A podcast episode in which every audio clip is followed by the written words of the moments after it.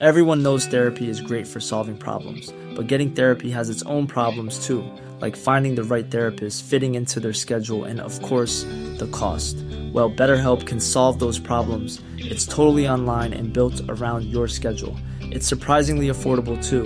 Connect with a credentialed therapist by phone, video, or online chat, all from the comfort of your home. Visit betterhelp.com to learn more and save 10% on your first month. That's BetterHelp, H E L P.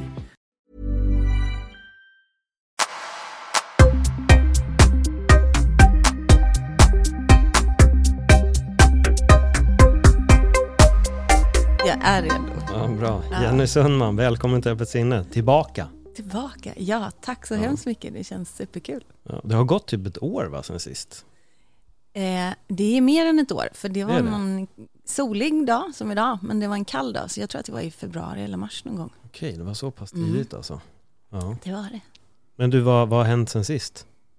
Eh, ja, men som jag sa förut när vi snackade lite, livet har hänt, Ja, som det brukar göra, och eh, då får man liksom hantera det därifrån. Men annars är det, det är bra, liksom. Det rullar Mm. på.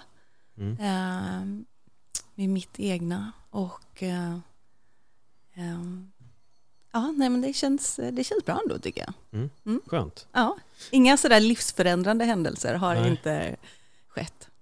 Nej, för det är så konstigt, jag tänker just på det här med livets resa, att ibland så är man verkligen i det här att det händer jättemycket i en själv. Mm.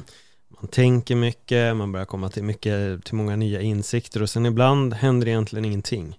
Nej. Att det står bara lite still. Men Mm. jag tror att det är att grejer behöver landa också.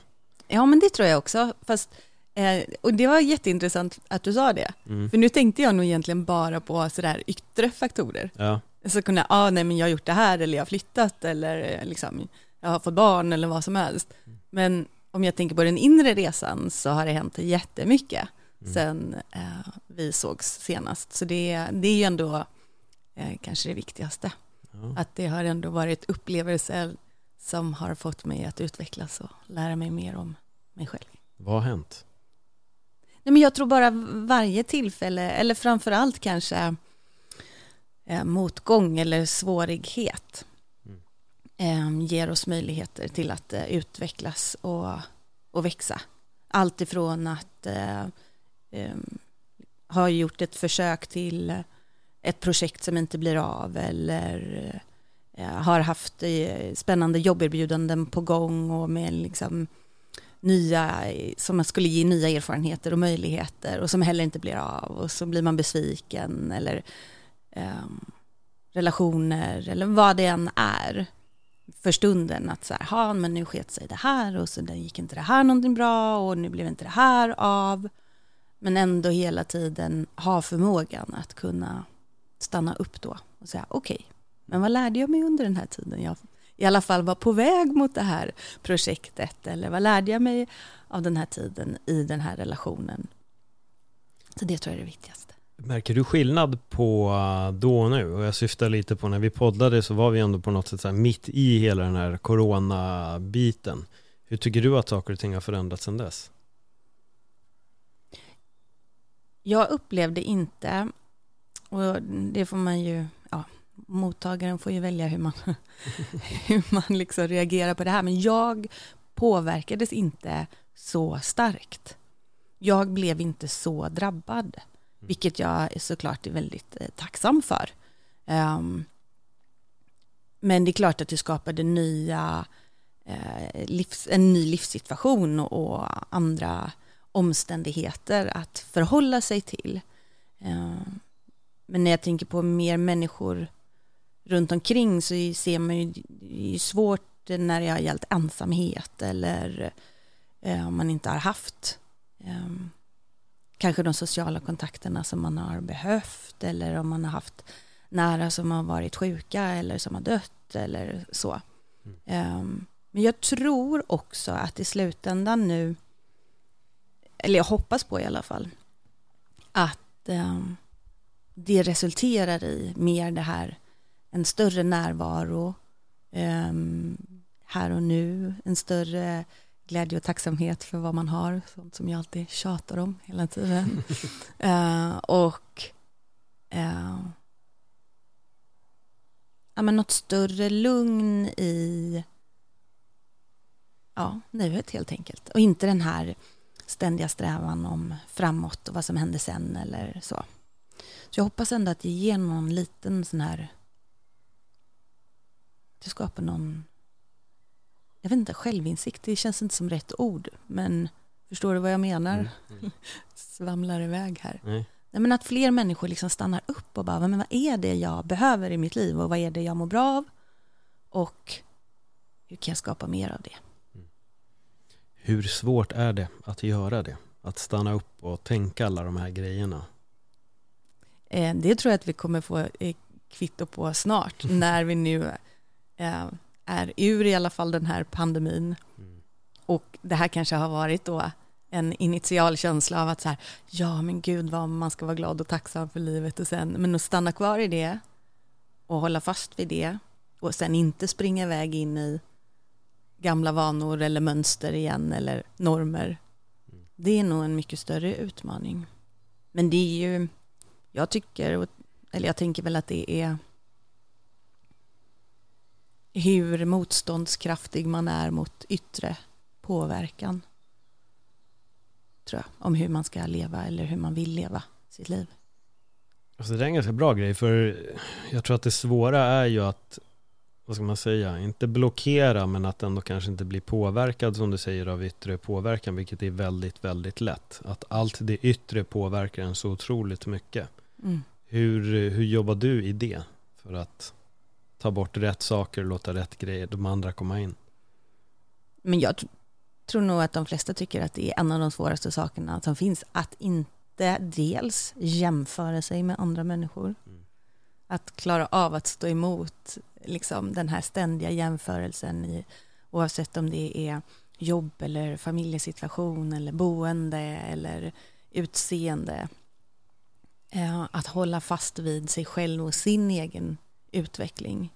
Eh, och samma sak som yttre påverkan av samhället och de normerna och hur vi ska leva och eh, det här schemat som livet verkar vara eh, om man ser till vissa delar. Men jag tror att det grundar sig i att man behöver, som allt med personlig utveckling har att göra med, att man måste lära känna sig själv.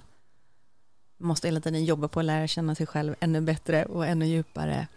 Och att det eh, grundar sig i en eh, stark självkänsla.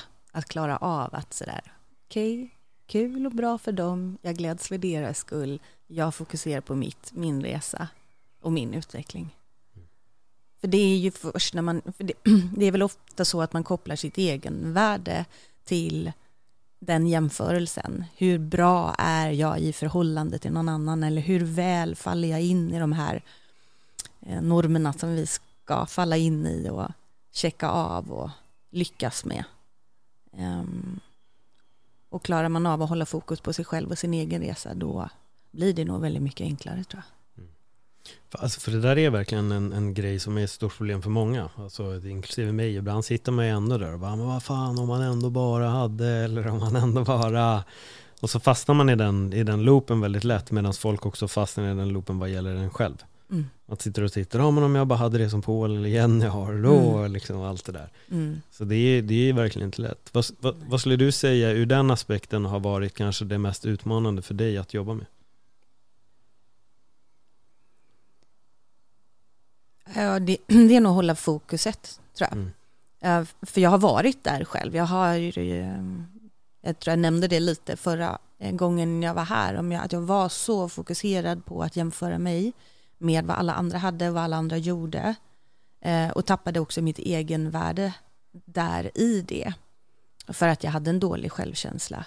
Ehm, Och så jag tror att jag känner till liksom, mm, varningssignalerna för mig själv. Mm. Ehm,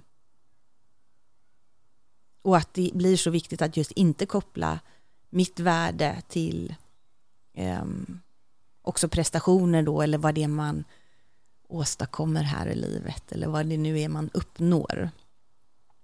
Eh, utan vem har jag som person utvecklats till och vem vill jag bli? Hur har min resa varit från att Ehm, ständigt jämföra mig med andra.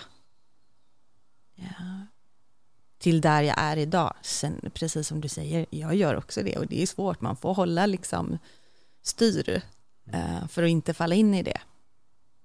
Men jag tror att när man lär sig det lite, då kommer de här signalerna ganska snabbt att man oj, nu känns det inte bra här. Nej, varför inte då? Nej, men för du håller på att lägga fokus på vad någon annan har lyckats med, som kanske är i samma område som man själv liksom jobbar med eller vill ja, lyckas inom eller vad, ja, lyckas tycker inte jag är ett så bra ord egentligen. Men, för det är också så här, det handlar ju också hela tiden om vad är det jag vill uppnå, vad är det jag kommer må bra av och vad är framgång för mig? Så. Och det handlar inte om att, eh, för mig i alla fall handlar det inte om att eh, lyckas på det sättet som jag tänker att, eh, vad ska man säga, generalisera det ordet, att så här, åh vad lyckad, ja men då är man framgångsrik mm. yrkesmässigt säkert och man har mycket pengar och man kanske har ett fint hus och bil och familj och så vidare. Ehm, jag tror att vi behöver lära oss och, och just det här med att stanna upp och tänka efter, men vad räcker för mig, vad är min framgång? kan ju vara någonting helt annat och det är ju jätteindividuellt. Jag tror fler borde fundera på det. Ja, men för jag tror också att det är just med att lyckas, det kan också vara väldigt kortvarigt. Att du kan också ha lyckats ta dig till en plats och alla bara Åh, du lyckades, fan bra. Mm. Men det är också någonstans där arbetet börjar. Mm. Om man nu går på bara ren framgång. Liksom så här, mm. okay, men du lyckades, du gjorde det där, för fan vad bra. Liksom.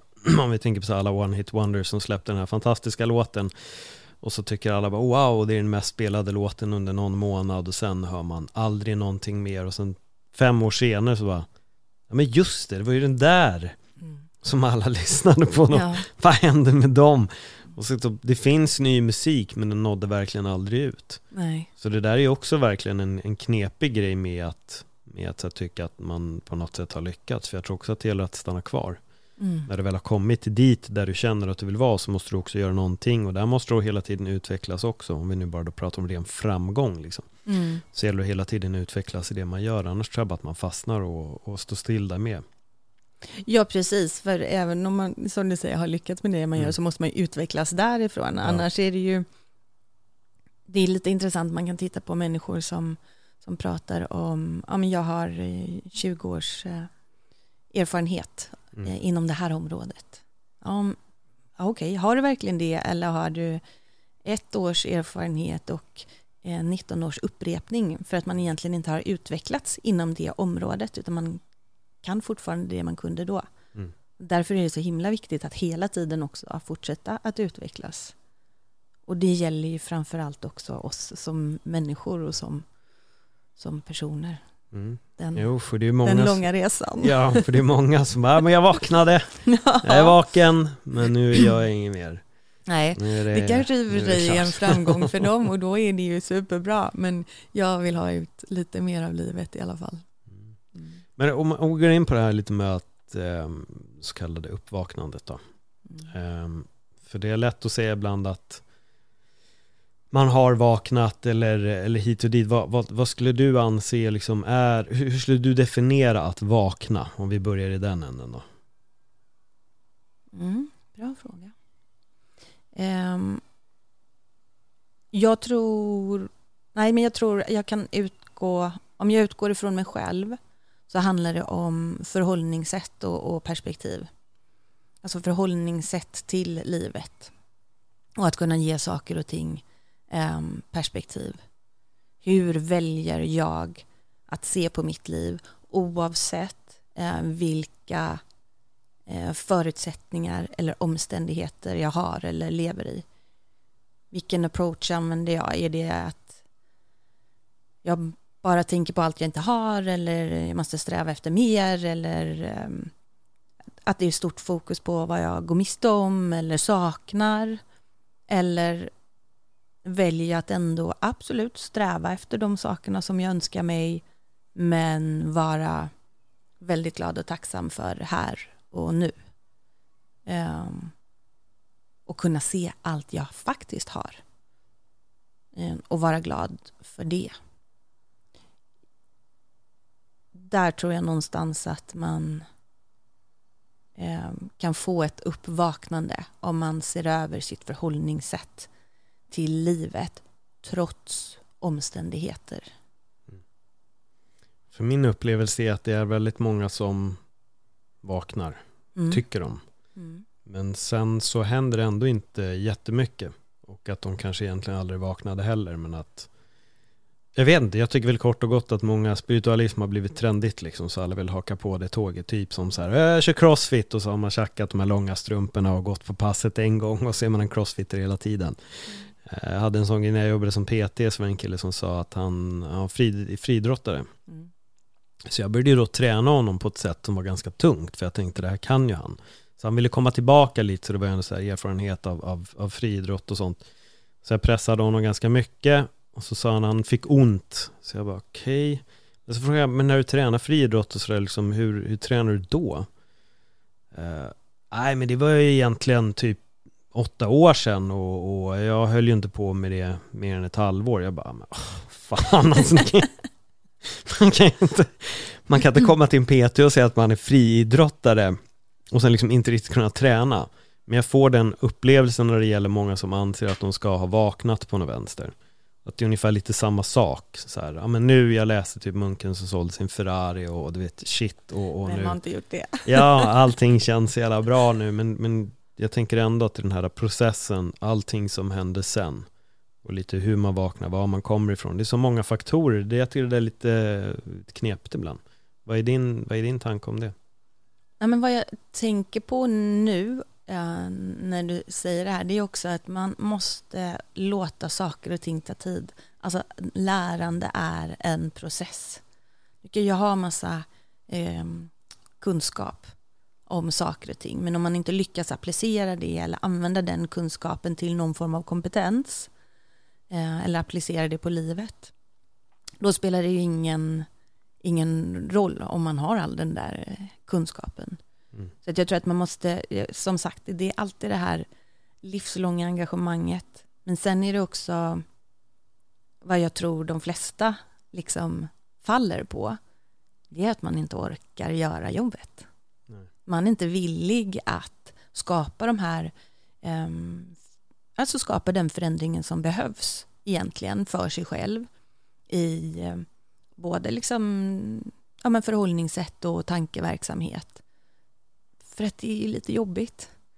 Och det är det, det ska jag inte säga någonting om. Det är jättejobbigt och tufft att förändra sitt liv och skapa nya vanor och lära sig ha ett nytt förhållningssätt i livet. Mm. Men ehm, alternativet är ju bara att stå kvar i det gamla och sen då lite då och då läsa någon inspirerande bok och känna att ja, nu är jag på tåget igen. Men ändå inte heller fullfölja det till att ta sig an sitt, sitt eget liv och det, Mm. den förändringen som man vill skapa. Så jag tror att eh, dels att det är, och, och just också det här att det inte finns något kvitto, utan så går vi till gymmet och lyfter vikterna, då vet vi att vi kommer att bli starkare. Mm. Det är liksom så här, det förstår man. Men att förstå att om jag engagerar mig i min egen personliga utveckling och tar reda på vad jag mår bra av, vad jag, vad jag vill med mitt liv eh, och hur jag kan ja, skapa en gladare vardag till exempel. Så är det så svårt att veta liksom, hur- ska jag, liksom så här, hur kan jag få ett kvitto på det? Jag ska göra massa saker, men tänk om det inte blir bra då? Äh, orkar inte. Mm. Skiter i det. Kollar jag på en serie istället. Det är så roligt för jag fick helt plötsligt den här bilden av folk som är på gymmet, vilket jag råkar ut för rätt ofta. Men de gör egentligen ingenting. De halvreppar allt Mm. och tekniken är fel och så går de inte tillräckligt djupt och det tas inte i. Eller så kastar man med vikterna som är för tunga och använder inte musklerna. Och det finns ju egentligen det också i, i det här. Fan vad vi är Ja. kritiska nu märker jag. Vi bara dissar här. Det blev en diss. Sågar alla som känner sig Ja. så åh jag är nyväckt, jag är spirituell. Sen nej det är inte allt, Nej. fan också.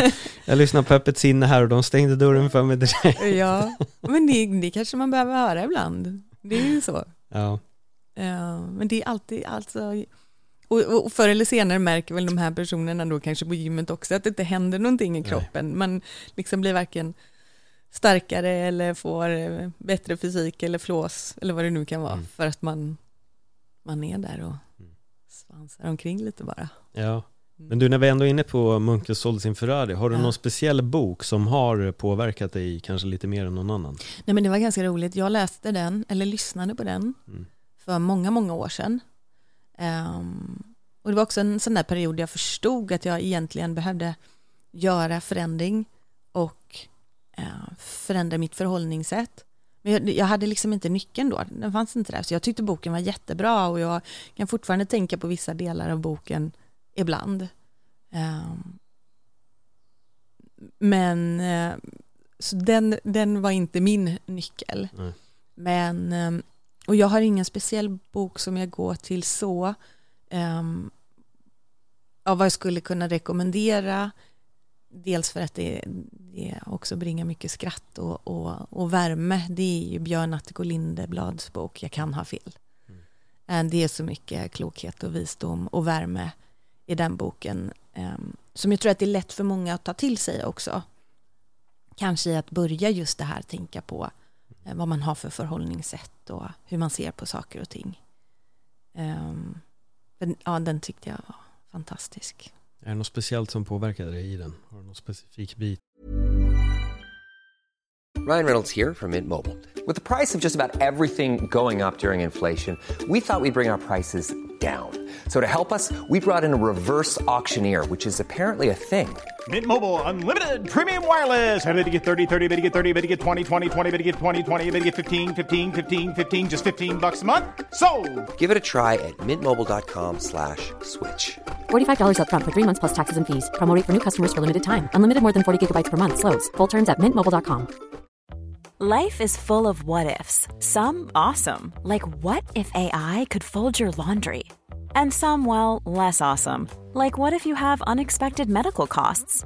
United Healthcare can help get you covered with Health Protector Guard fixed indemnity insurance plans. They supplement your primary plan to help you manage out of pocket costs. No deductibles, no enrollment periods, and especially no more what ifs. Visit uh1.com to find the Health Protector Guard plan for you.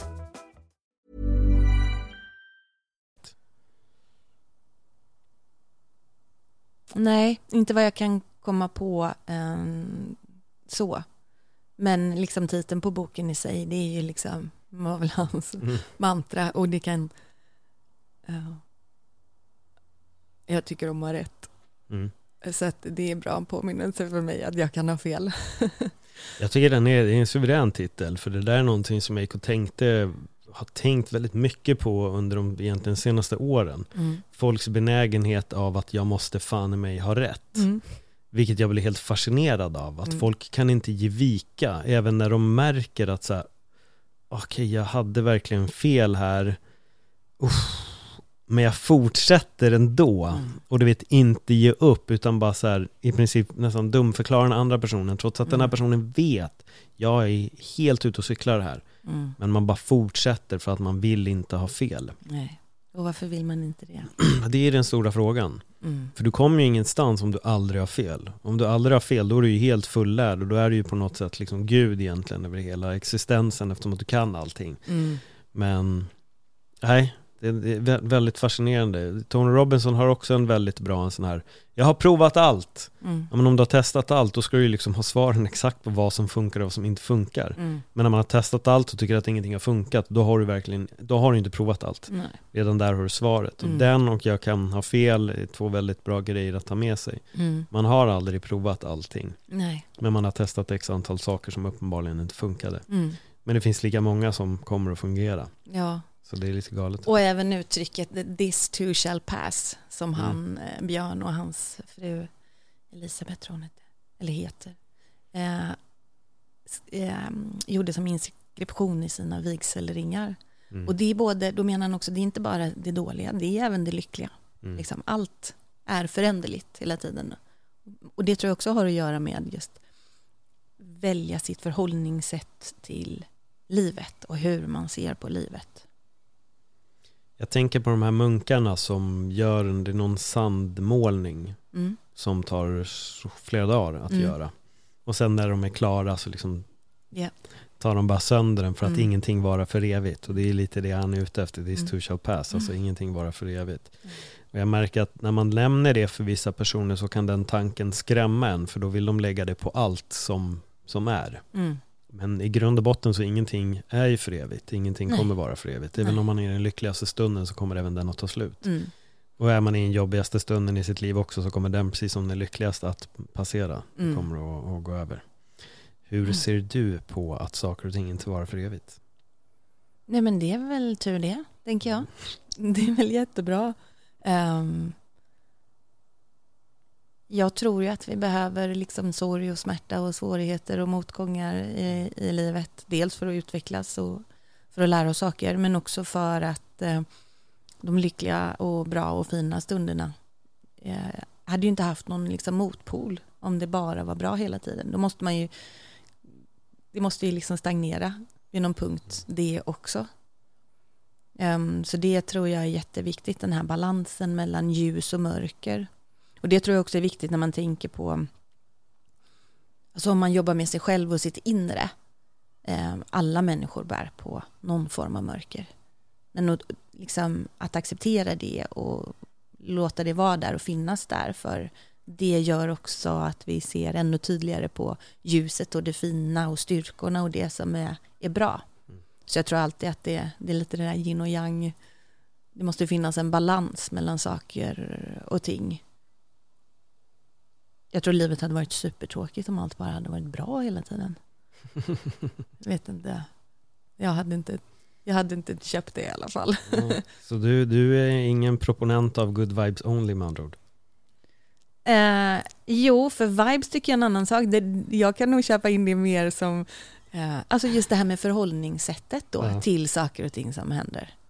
Man får vara ledsen och man får bli förbannad och ja, alla känslor är liksom fine och bra. Mm. Men att hetsa med något liksom så fort det händer något dåligt eller något kast att man ska direkt över till den positiva sidan. Nej, man behöver nog stanna i och reflektera lite över det som har varit. Sen behöver man ska man inte stanna där för länge och, och grotta ner sig och gräva ner sig i det och tappa fästet på något sätt. Men eh, återigen, så här förhållningssätt. Dåliga saker kommer att hända. Okej, vad har jag lärt mig?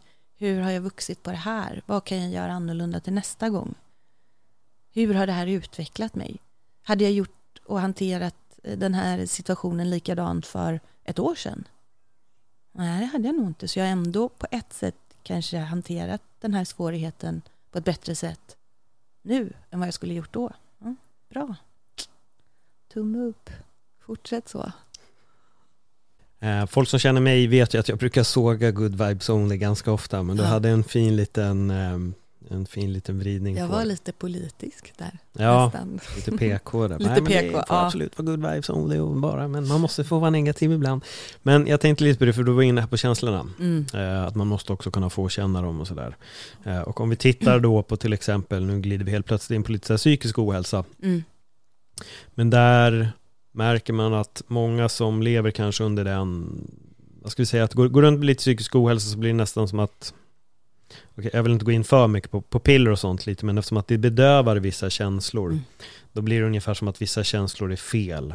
Och när Ja. jag hade Johan Stiernstedt med mig i podden så sa han det också, han är terapeut, han sa att liksom, piller är bra under en viss period, men sen måste man tillbaka och man måste lära sig att handskas med känslor, för det är inte fel på dem. Nej. Um, att undrar bara lite liksom hur du ser på, eftersom att du ändå nämnde det här med att alla känslor är okej, så vad skulle du ge för råd till någon som kanske är lite för rädd för en viss känsla, om man säger så? Jag tror att eh, jag tänker främst att vi pratar om, nu ska vi inte benämna dem i negativa och positiva känslor, Nej. men om det är liksom mer svåra känslor, om det är man är ledsen eller deppig eller känner lite ångest eller vad det nu kan vara. Jag tror att man behöver, bör- jag är ingen specialist på det här, Nej. utan nu pratar jag bara rent utifrån mig själv. Ehm, man behöver lära känna sina egna känslor. När får jag en viss typ av känsla eller när dyker den upp? I vilka sammanhang? Ehm, och sitta en stund med känslan. Vad, vad är det här för känsla? Är jag ledsen eller är jag rädd eller um, orolig eller är det ovisshet som skaver eller vad är det för känsla jag känner? Och sen tar det ytterligare ett steg, vad grundar den sig i? Vad är liksom intentionen, var kommer den ifrån? För det kan ju vara så att till exempel att man känner sig eh, arg eller man är så skitförbannad för någonting har hänt. Fast det har egentligen bara med rädsla att göra. Man är rädd för att eh, någonting ska hända eller man kanske ska förlora någon och så kanske man blir arg på den personen istället för att kunna omformulera den känslan. Och för att lära sig det, då tror jag att man behöver vara väldigt uppmärksam på sina känslor och lära känna dem och vilka sammanhang de dyker upp. Men inte vara rädd. Liksom, det är ingen, ingen har väl dött av att känna en känsla. Liksom. Jag tänker så här, you're gonna be fine. This too shall pass. Mm. Nej men att man, ja, att man är liksom lite, och lite nyfiken då. Okej, okay, spännande. Och var i kroppen känns det? För när man lyckas härleda det ibland, är det så här, känner jag det i magen eller känner jag det liksom i bröstet eller i hjärtat? Um, då kan det hjälpa att man liksom lägger en hand på den platsen i kroppen också bara för att så här, okej, okay, här är den känslan som jag känner nu. Och så andas lite lugnt och djupt. Mm. Och liksom bekräfta känslan, den är okej. Okay. För jag kan ju backa, om jag backar liksom x antal år så vet jag att känslor för mig var svårt att förstå, skulle jag nog säga. Mm svårt att veta varför jag blev på ett visst sätt i vissa situationer och, och kände. Mm. Sen kom jag väl in på det här med så här, men högkänslighet, liksom att det kanske är det och så. Men jag, jag tror bara, desto mer insikter jag har fått om mig själv så har jag också förstått på något vänster liksom vad känslorna är och vad jag behöver ta åt mig av och mm. inte. Och hela den biten. Men Just det, vilka känslor behöver jag agera på Exakt. och vilka känslor kan faktiskt Exakt. bara vara som jag inte behöver ja. agera på. Och jag tror att när jag väl började meditera då mm. tror jag att jag började få ett lugn också så att när känslorna kom så kunde jag förstå att okej okay, men vänta nu får jag en olustig känsla här nu. Jag kanske känner helt plötsligt att jag är arg av någon anledning. Fast jag har ingenting att vara arg på för att jag är hemma själv och det, liksom, det, det bara mm. kan komma över en. Jag tror ibland så kan vi få de här känslorna över oss. Mm. Um, men jag tror egentligen att det är inget fel på den känslan. Precis som det är inget fel när man helt plötsligt är ute och går och så får man det där minnet och så bara ja, det var roligt. Så börjar man bara garva åt någonting och det är samma sak att man kan känna en irritation också av att någonting kommer upp och så bara så får man den känslan med att när man blir glad det är det okej. Okay. Mm. Den är okej okay, men att känna att man kanske blir arg eller lite dyster under en stund är inte inte okej. Okay. Pratar om samhällsregler och sånt mm. så är det som att det är något fel nästan. Mm. Istället för bara alla känslor är egentligen helt okej okay, så länge vi vet var de kommer ifrån och att de kommer att gå över. Mm. Eh, vilket de alltid gör liksom. Gott som ont så kommer det alltid på något sätt att försvinna. Eh, men för mig, jag vet inte, det var väl medit kombination så här uppvaknande, meditation, mm. börja förstå att jag behöver inte kliva in i känslan. Vilket har gjort att nu känns det nästan ibland som att jag blivit typ så halvt känslokall. Men det är nog mer bara för att jag har börjat förstå mig själv. Det är svårt att se. För ja. ja. Nej men till mig själv ja. menar jag inte att jag är det mot människor. Nej. Så, jag menar bara mer att vissa känslor så behöver jag, jag behöver inte agera på dem på samma Nej. sätt som jag gjorde innan. Men förut agerade jag på dem. Mm. Att det var det som var skillnaden. Mm. Men, återigen, alltså det, allting handlar om, för jag tror också att det kan Eh, jag tror att det är jättepositivt och bra för många att få diagnos så, om man undrar över vad det är som man känner inte lirar i, i kroppen eller vad det kan vara. Men jag tror också ibland att det blir eh, för... Om man blir offer för sin diagnos så kan man eh, liksom skapa ganska stora hinder för sig själv tror jag. För att jag tror att återigen, diagnos eller utan diagnos, det handlar om att lära känna sig själv och hur man fungerar hur man reagerar på saker, vad man känner för och hur man tänker och liksom sitt förhållningssätt till det som händer en i livet. Mm.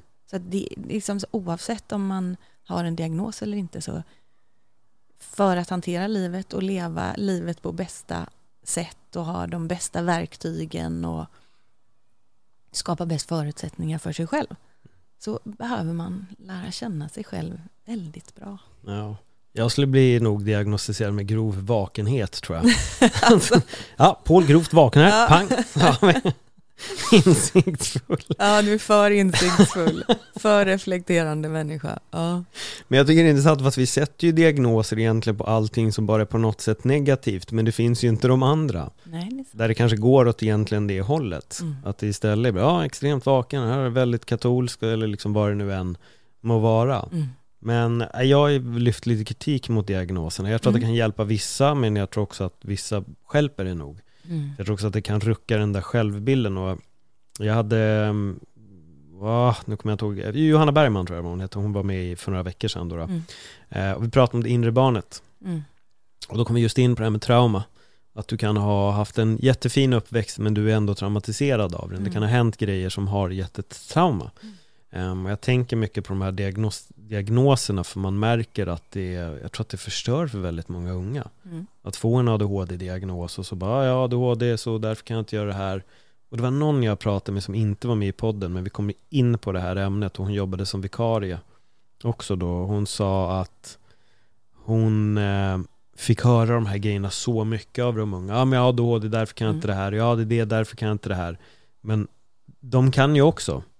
Men om Absolut. de hela tiden får höra att de inte kan, då är det klart att det inte kommer gå. Då blir det en självuppfyllande profetia. Och jag tror att det är lite, det är nog rätt farligt skulle jag nog säga, inte lite. Ja, och det är inte bara de själva, utan eh, jag har också eh, sett det och mött det i, i skolan, att ehm, det blir också ibland en ursäkt för föräldrarna att säga mitt barn behöver specialundervisning eller behöver anpassade uppgifter eller så, och så är det självklart i vissa fall. Men i andra fall är det inte alltid så, utan då handlar det bara om att, vet du vad, man måste anstränga sig lite också, och så måste man lyssna.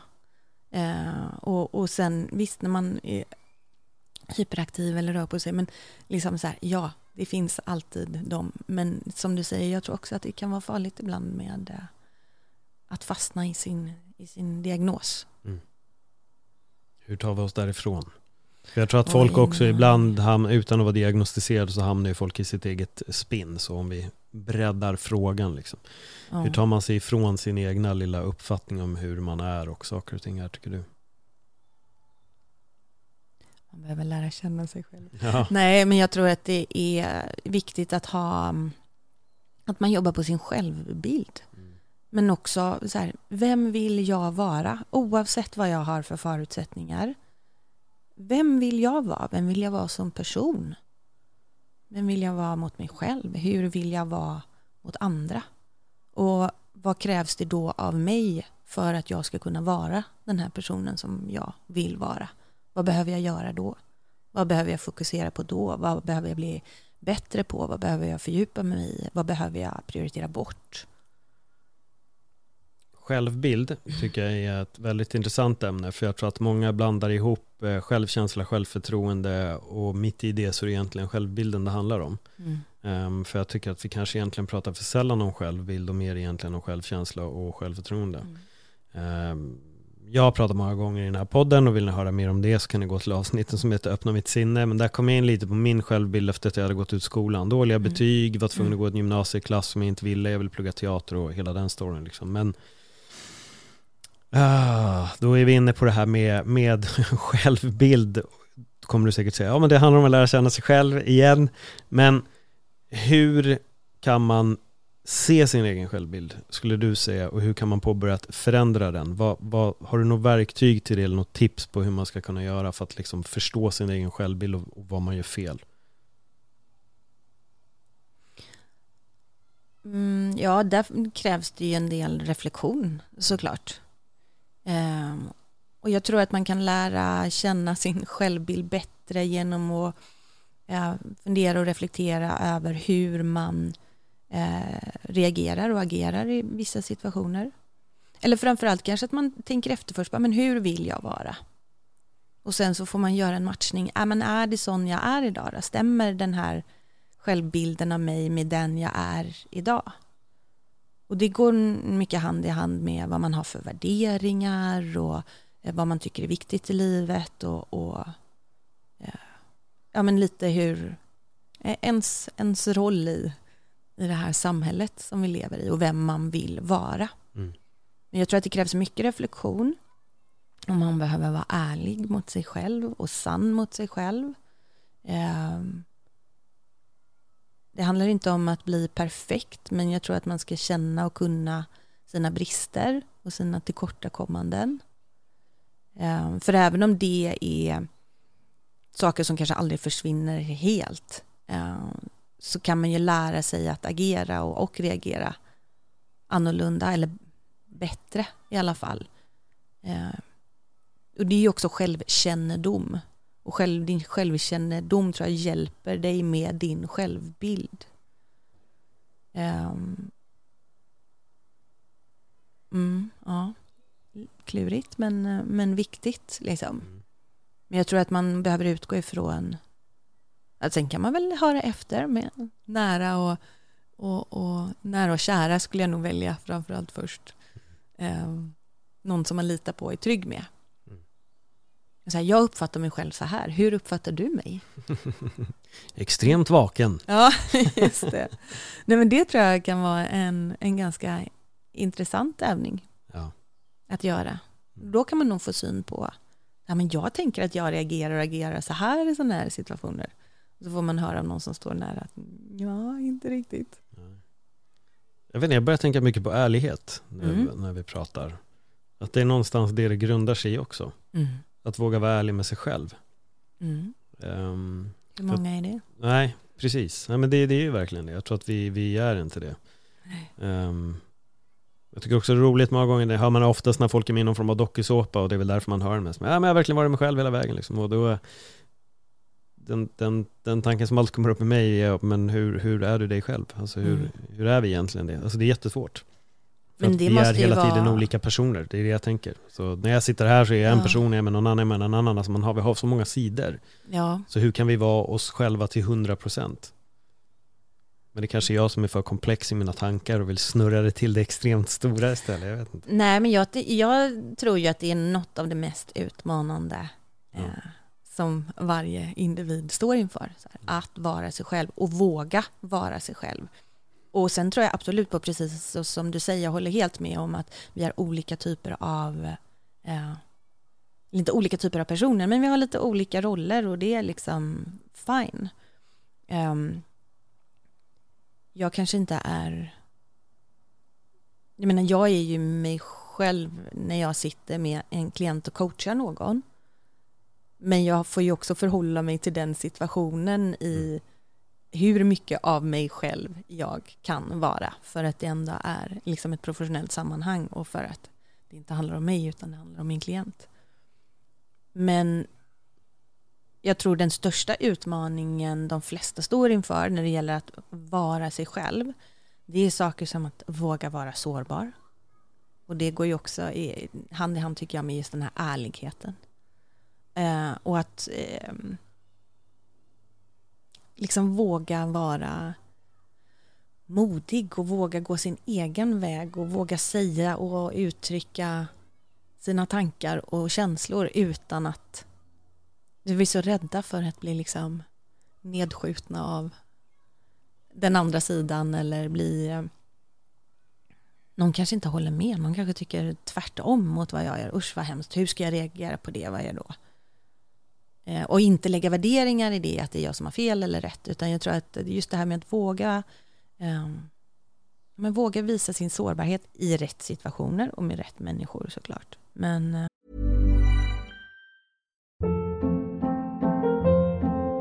Hold up. What was that? Boring. No flavor. That was as bad as those leftovers you ate all week. Kiki Palmer here, and it's time to say hello to something fresh and guilt-free. Hello Fresh. Jazz up dinner with pecan-crusted chicken or garlic butter shrimp scampi. Now that's music to my mouth. Hello Fresh. Let's get this dinner party started. Discover all the delicious possibilities at hellofresh.com.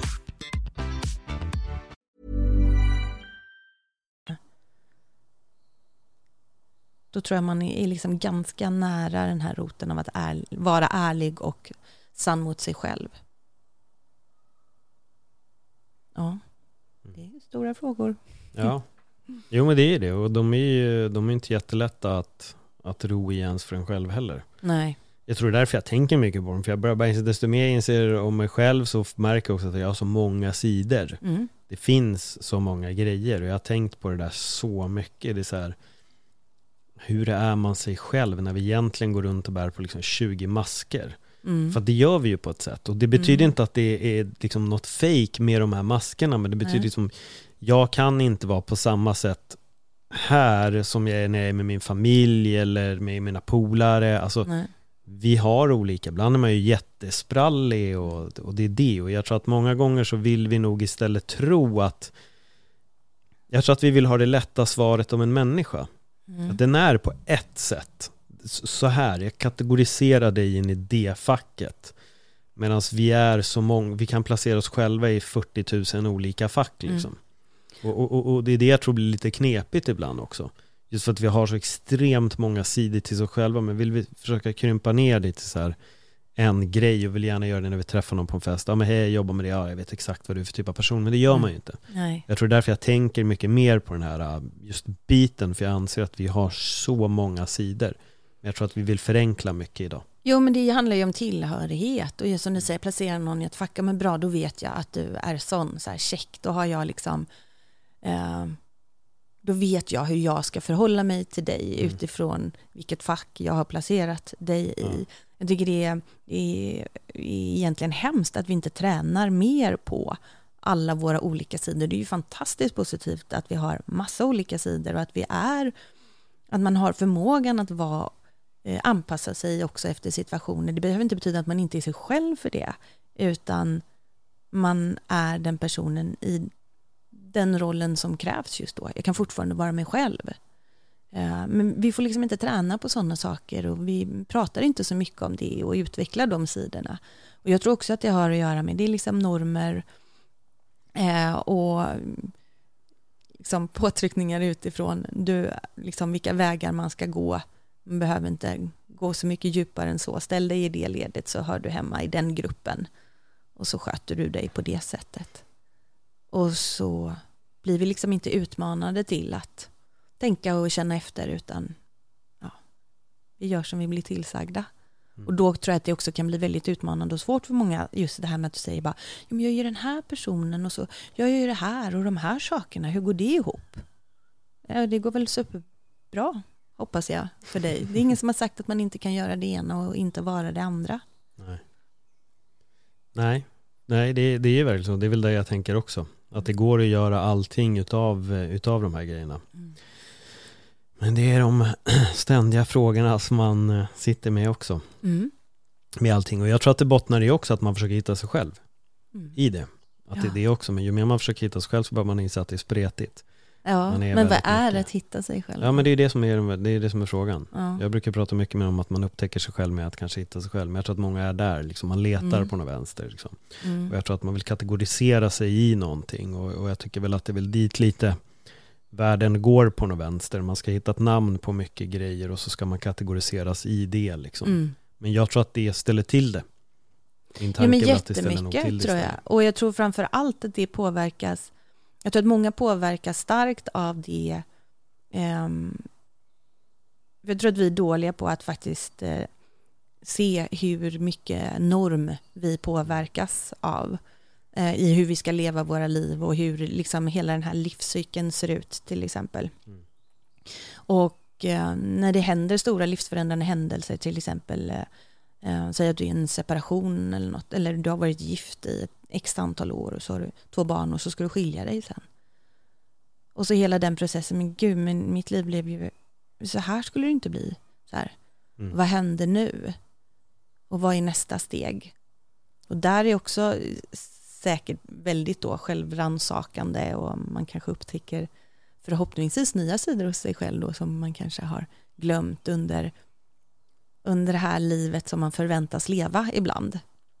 Inte alla som köper det, men de flesta av oss Mm. gör ju ändå det för ja, vi lever efter en, en viss typ av norm. Och sen också på samma sak som hur förhåller jag mig till om jag inte eh, är i livet där jag förväntas vara eller borde vara vid en viss, viss ålder eller um, ja, vad det nu kan vara, hur livet ser ut, också liksom kast, kastar omkring de här um,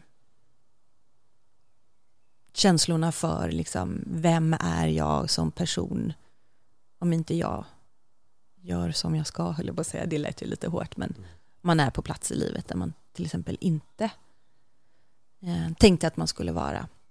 Och hur kan jag då ändå göra det till något positivt? Och, och framförallt också som du säger, så här, utforska alla de här sidorna som man själv har. Åldersnoja, är det någonting du har råkat ut för? Var det det du läste in i den här lilla Nej, men jag bara kommer... svängen jag tog här nu? Ja, ja men jag tycker den är Eh, intressant för jag tror att... Mm. Förlåt, svara. Eh, nej, egentligen inte. Eh, men jag ur ett perspektiv att jag är kvinna eh, och eh, hade, en, jag har inga barn, men hade gärna haft barn. Så det skapar inte en åldersnoja för mig hur gammal jag är, det är bara att förutsättningarna för mig eh, förändrats. Mm. Så det är det enda som jag har ett, ehm, ett åldersförhållande till. Annars så tycker jag nog faktiskt att det är ganska härligt att bara bli äldre. Mm. Det tycker jag. Mm. Ja, jag är mest fascinerad över att tiden har gått fort. Jag har svårt... Jag tror att... Så här, jag fyller 44 om... Det är knappt en månad liksom. Jag fyller 44. Grattis i förskott. Tack så mycket. Tack så mycket. Jag tror med att åldern så blir jag så här, jävlar, jag börjar inse att jag har närmare till pension än vad jag hade till den dagen jag började jobba, om man säger så. Mm. Eh, Hur är känns det? konstigt på ett sätt. Det blir på ett sätt också så här verkligt att tiden går. Men samtidigt så känner jag mig ingenstans i min egen ålder och kanske också har att göra med att folk, förutom att jag har grått i skägget så är det väldigt sällan folk tror att jag är i min ålder. Mm. Eh, Jag pratade med en person, vi snackade om podden lite och då sa ja vad fan du är fortfarande ung och liksom och, och hit och dit, några sådana kommentarer så här, ja men jag fyller ju ändå 44 här om några månader så här till honom. Han bara, oj, oj, oj jävlar, ja men då är du typ 10 år äldre än vad jag hade trott. Eh, och det är så här, ja men vad kul, Mm. tack så mycket, det är roligt att höra, men samtidigt så jag tror, jag tror man hade en bild av, eller jag hade väl en bild av att man skulle vara på ett visst sätt när man skulle nå typ så här 40 och sen när man kom dit så bara fast jag känner inte så stor skillnad. Jag känner mig lite klokare, ja. Mm. Mer erfarenhet, Ja. det är väl det. Men, men ålder börjar verkligen bli diffust för mig. Det börjar verkligen kännas som så här hur borde jag egentligen känna mig? Jag drar mer bara, jag drar den där slutsatsen så många gånger bara, vi är fortfarande bara barn som har fått mer krav på oss att så här, betala räkningar, ta hand om det här, betala in din moms i Mm. tid och liksom hela den biten. Men annars är vi fortfarande, vi vill leka, vi vill ha, alla vill ju kanske inte det, men vi vill leka, vi vill ha kul, liksom. göra roliga grejer och fortfarande vara spralliga. Men jag tror att min bild när jag var liten eller yngre av så här, där har vi någon som är 40, då är det så här, ja, nu är det ordning och... Men det har ju också förändrat ganska eh, mycket, tänker jag ändå på, liksom, ja, de här 20 åren då. Mm. Jag fyller 42 i år. För jag tänker också så här, när, jag kan ju tänka så ibland, mm, just på grund av att jag inte har barn, men jag skulle kunna ha liksom ett barn som var 15 utan några konstigheter. Jag skulle gå runt en 15-åring här hemma hos mig, gud så konstigt. För att jag inte heller känner mig liksom så. Eh, Men är det så att vi har svårare att identifiera oss med vår ålder för att vi inte har barn? Ehm, För det är också en tanke jag har haft. Det, jag vet inte, men jag skulle kunna köpa in på det lite grann just för att ehm, man bara har sig själv att ehm, ta hänsyn till Mm. ur liksom ja, missförstå mig rätt, man tar hänsyn till massa andra människor också, men i liksom sin livssituation. Mm. Ehm, och Ja, nej, ja, kanske. Att det blir så, man är inte i den där eh, familjeklicken, eller man gör inte de där sakerna och hämtar på dagis och lämnar och allt det där som blir ett väldigt, jag menar har man barn så blir det ju en otrolig rutin, det måste det ju vara, det behöver ju barn och det mår ju barn bra av. Ehm, och, och det handlar väl kanske om förväntningar just då på hur, hur livet skulle se ut och hade vi då följt den här normen av någon anledning och fått uppleva det här så kanske vi hade Ja. haft ett, en annan syn på åldern. Vi är uppväckta inte. men helt omedvetna om vår ålder. Ja, men Det- precis. Nej, men det är så här, jag tycker inte liksom, Jag tycker ju 40 är, en, det är ändå härligt. Det är ändå Ja, gött, jag har liksom. noll problem med Ja. åldern. Det har jag verkligen inte. Nej, jag skulle Alltså, kunna stanna här liksom inte. i tio Ja. år till, tänker Ja. jag. Inte behöva... jag. Jag vill ha visdomen längst vägen Ja. såklart och alla, Ja, det alla man, lärdomar. Men, eh, det, det är väl ett ålderstecken. Det är väl när man slänger med de här fraserna som de äldre slängde med. Typ hade jag vetat det här när jag var 20. Så det, är, ja, exakt. det är väl de som, de som dyker upp. Ja, nej, man får väl välja sitt förhållningssätt till sin, Ja. till sin eh, livssituation och som jag tjatar om, vara glad för det man har och fokusera Ja. på det man har. Även om det finns saker som man eh, längtar efter. Det där är en fin slutpunkt Mm. på, på avsnittet. Så i vanlig ordning, om folk inte redan följer dig på din resa, hur hittar man dig då? Man kan följa mig på Instagram bland annat, Jenny Sundman coaching. Och på Facebook, eh, eller kika in på min hemsida, jennysundman.com. Mm.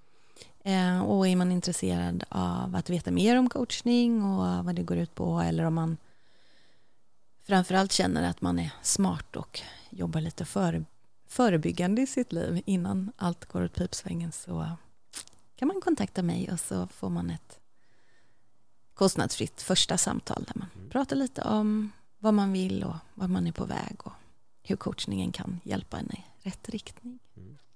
Super. Det är bara att kolla in länken i bion så kan ni besöka Jenny där. Ja. Tack så jättemycket för ett bra samtal. Ja, tack själv Paul, det var jättekul. Mm. Mm. Det var spretigt. Vi hamnade Ja, på många grejer, men det var roligt. Då är min fråga till dig där, hur känner du? Känner du av åldern? Känner du inte av åldern? Är du vaken? Är du inte vaken? Vilka frågor ställer du dig själv? Om du kollade på det här på YouTube så läm- lämna gärna en kommentar här nere så kan vi prata vidare. Med det sagt så får jag önska en fantastisk dag. Ha det bra. Hej då!